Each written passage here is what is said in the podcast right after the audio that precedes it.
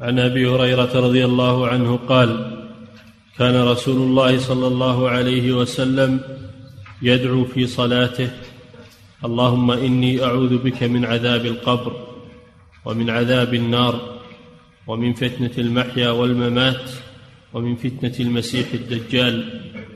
وفي لفظ لمسلم إذا تشهد أحدكم فليستعذ بالله من أربع. يقول اللهم إني أعوذ بك من عذاب جهنم ثم ذكر نحوه. نعم. بعدما يصلي على النبي صلى الله عليه وسلم التشهد الأخير يدعو ويأتي بها بالتعوذ بالله من هذه الأربع والتعوذ معناه الالتجاء إلى الله عز وجل والاعتصام بالله عز وجل.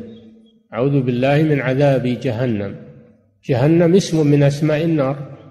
النار لها أسماء كثيرة جهنم وسقر والهاوية ولظى لها أسماء كثيرة والعياذ بالله. أعوذ بالله من عذاب جهنم أي النار. وعذابها شديد والعياذ بالله. حرها شديد وجميع أنواع الآلام والأسقام والأمراض والمؤذيات كلها في النار والعياذ بالله. أعوذ بالله من عذاب جهنم. عذاب يشمل كل عذاب في جهنم. العذاب النفسي والعذاب الجسمي وجميع أنواع العذاب. أعوذ بالله من عذاب جهنم. فإذا أعاذك الله من عذاب جهنم فإنك تكون من الفائزين. نجوت منها. أعوذ بالله من عذاب جهنم. هذه واحدة. الثانية من عذاب القبر. هذا فيه إثبات عذاب القبر. فإن الإنسان إذا وضع في قبره إن كان من أهل الإيمان فإنه يفسح له في قبره مد بصره ويفتح له باب إلى الجنة ويأتيه من روحها وطيبها ويؤتى بفراش من الجنة ويضاء له في قبره ينور له في قبره ويصبح في روضة من رياض الجنة.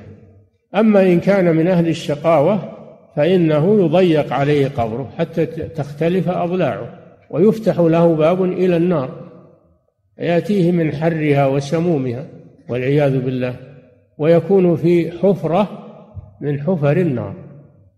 وعذاب القبر متواتر في الأحاديث بل وفي القرآن ولنذيقنهم من العذاب الأدنى دون العذاب الأكبر لعلهم يرجعون. قالوا العذاب الأدنى هو عذاب القبر.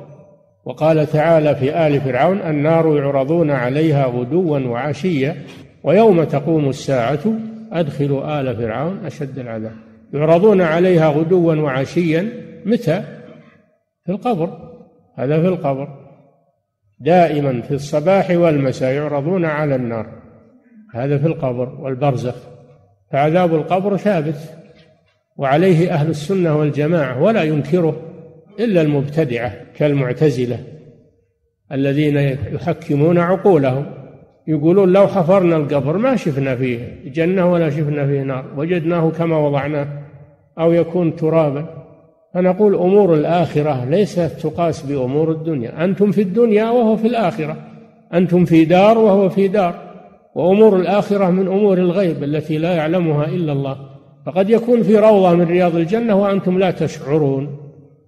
وقد يكون في حفرة من حفر النار وأنتم لا تشعرون بذلك لأن الله غيب عنا أمور الآخرة. فإذا صرتم إلى القبر عرفتم هذا. أما أنتم في عالم وهم في عالم تقولون ما ما هم في عالمكم هم هم في عالم آخر لا تدرون عنهم. وأمور الآخرة وأمور الغيب لا دخل للعقول فيها. نسلم بما جاء فيها ولا ولا نتدخل بعقولنا فيها أبدا. هذا الشيء ما ما تدركه العقول. وأيضا هم ليسوا في الدنيا وإنما هم في عالم الآخرة في عالم غير عالمنا.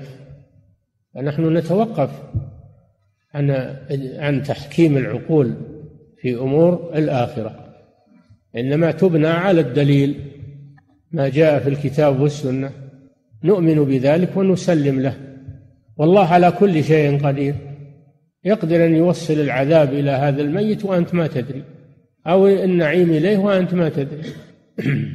فسبب ضلالهم أنهم يحكمون العقول ولا يتبعون النصوص وهذا من آفات.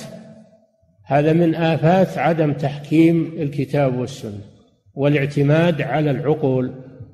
هذا اللي سبب لهم. والذي ينكر عذاب القبر كافر. لأنه منكر لما تواترت به الأدلة. الذي ينكر شيئا متواترا يكون كافرا.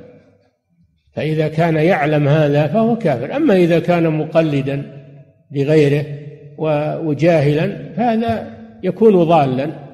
يحكم عليه بالضلال ولا يحكم عليه بالكفر نظرا لتأويله أو لجهله في هذا الأمر.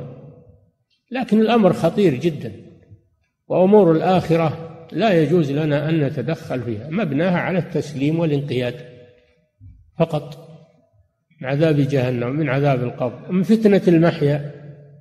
فتنة المحيا. الفتنة الاختبار والابتلاء. والمحيا المراد به العمر حياة الدنيا. ما دمت على قيد الحياة فأنت معرض للفتن. معرض للفتن والضلال والانحراف.